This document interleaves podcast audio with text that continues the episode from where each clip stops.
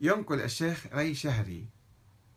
هذا ري شهري كان وزير الاستخبارات في إيران وهو عنده كتب عن الحديث في كتاب زمزم عرفان عن لسان الشيخ علي نجد الشيخ بهجت أنه قبل أحد عشر شهرا من وفاة والدي جاء رجل عراقي من السويد وأعطاه مالا وأعطى مالا لوالدي وقال التفت في أحد الأيام أن علي دفع حقوق شرعية.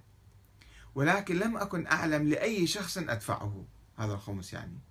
توسلت بصاحب الزمان نفسه وطلبت من حضرته أن يرشدني. هذا العراقي اللي بالسويد خاطب الإمام المهدي هكا بعقله يعني أنه أنت قل لي لمن أبعث هذه الأموال الحقوق الشرعية. ومضت مدة ولا خبر.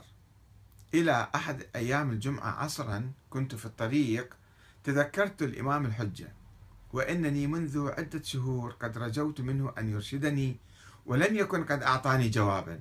انفجرت وبعينين باكيتين. خاطبت حضرته أنا لا أطلب منك المال أريد أن أوصل لكم أموالكم وتركتموني في بلاد الكفر هذه الكفرة هذه ولا ترشدوني؟ والله العظيم والله العظيم. يضيف هذا العراقي المجهول طبعا. لا يذكرون اسمه ولا وصفه ولا محزنون والله العظيم سمعت بأذني صوتا واضحا جدا. يعني الإمام تكلم معه. هو خاطب الإمام والإمام أجابه بسرعة. سمع كلامه وأجابه. جاء الجواب توصله إلى خليفتنا الشيخ بهجت. يتابع العراقي المفترض والمجهول. ولم أكن أعرف الشيخ بهجت. فذهبت إلى شيخ إفريقي يعيش في الدنمارك وأخبرته بقضيتي أنه أنا حدث معي كذا وكذا عندي أموال وما أعرف لمن أعطيها وسألت الإمام المهدي والإمام المهدي جاوبني وسمع صوته وقال لي وديها الشيخ بهجت. فقال إن كان للحجة هذا الشيخ, الأفريقي إن كان للحجة في الأرض خليفة فهو نفس الشخص الذي سمعت اسمه. يعني الشيخ بهجت خليفة الله في الأرض أو خليفة المهدي في الأرض. فقلت أين هو؟ لا أعرفه. فقال في إيران ويعيش في قم.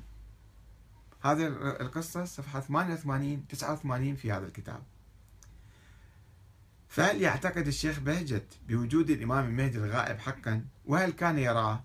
وهل كان يدل الإمام عليه ويوصي بإعطائه الخمس؟ خلينا نتوقف قليلا عند هذه الرواية. لاحظوا كيف نأخذ الروايات. كيف تختلق الروايات الأسطورية لتعظيم شخص معين ووضع حالة من القدسية عليه وتوجيه الناس إليه. ومثل ما حدث مع الشيخ بهجت يمكن يحدث مع ناس آخرين الآن بهذه الطريقة وبهذه المنهجية الغوغائية. اللا علمية الخرافية.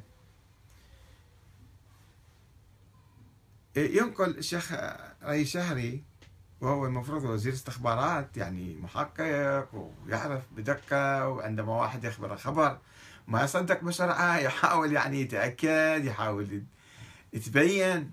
المهم يروي عن الشيخ نجل آه، نجل الشيخ اللي هو شيخ علي اسمه. طيب يا شيخ علي. قبل أحد عشر من وفاة جاء رجل عراقي من السويد. طيب ليش ما تقول اسمه؟ من هذا الرجل العراقي؟ حتى نعرف نحن نتأكد من عنده. صحيح أنت رأيت هذا الفيلم الهندي أم, أم هذا ينسب لك كذبا وزورا. طيب. هذا الشخص تكلم مع الإمام بنفسه وسمع صوت الإمام. كيف نصدقه يعني؟ كيف نصدق هذا الرجل العراقي؟ حتى لو افترضنا اسمه معروف ومعلوم. وعرفنا اسمه رحنا سألناه هل سمعت صوت الإمام؟ أنت تكذب. كيف تسمع صوت الإمام؟ لم يسمعه أحدا غيرك. كيف تثبت هذا الكلام؟ هذا أيضا عبره على هذه القصة.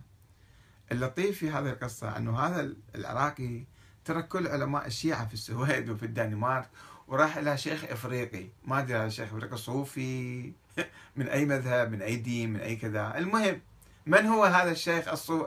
الأفريقي أيضا؟ لا يذكرون اسمه. وعادة الأساطير والإشاعات تقوم على هذا النهج. عدم ذكر الأسماء والخصوصيات والأوقات والأماكن والتفاصيل حتى أحد لا يروح يحقق ويدقق. فالشيخ الأفريقي قال له أو إذا صحيح كلامك فأنت اذا هذا الشيخ بهجت هو خليفة الإمام. يعني ابن الشيخ بيعمل دعاية لأبوه. وهذا طبعا كلام مشكوك فيه لأنه حتى لو يجيب أرقام وكذا كلام مشكوك فيه. يعمل دعاية حتى يعظم أبوه. وهاي طبعا في حياة أبوه حادثة القصة وهو يرويها يعني قبل 11 شهرا من وفاته. فلاحظوا هذا المنهج؟ آه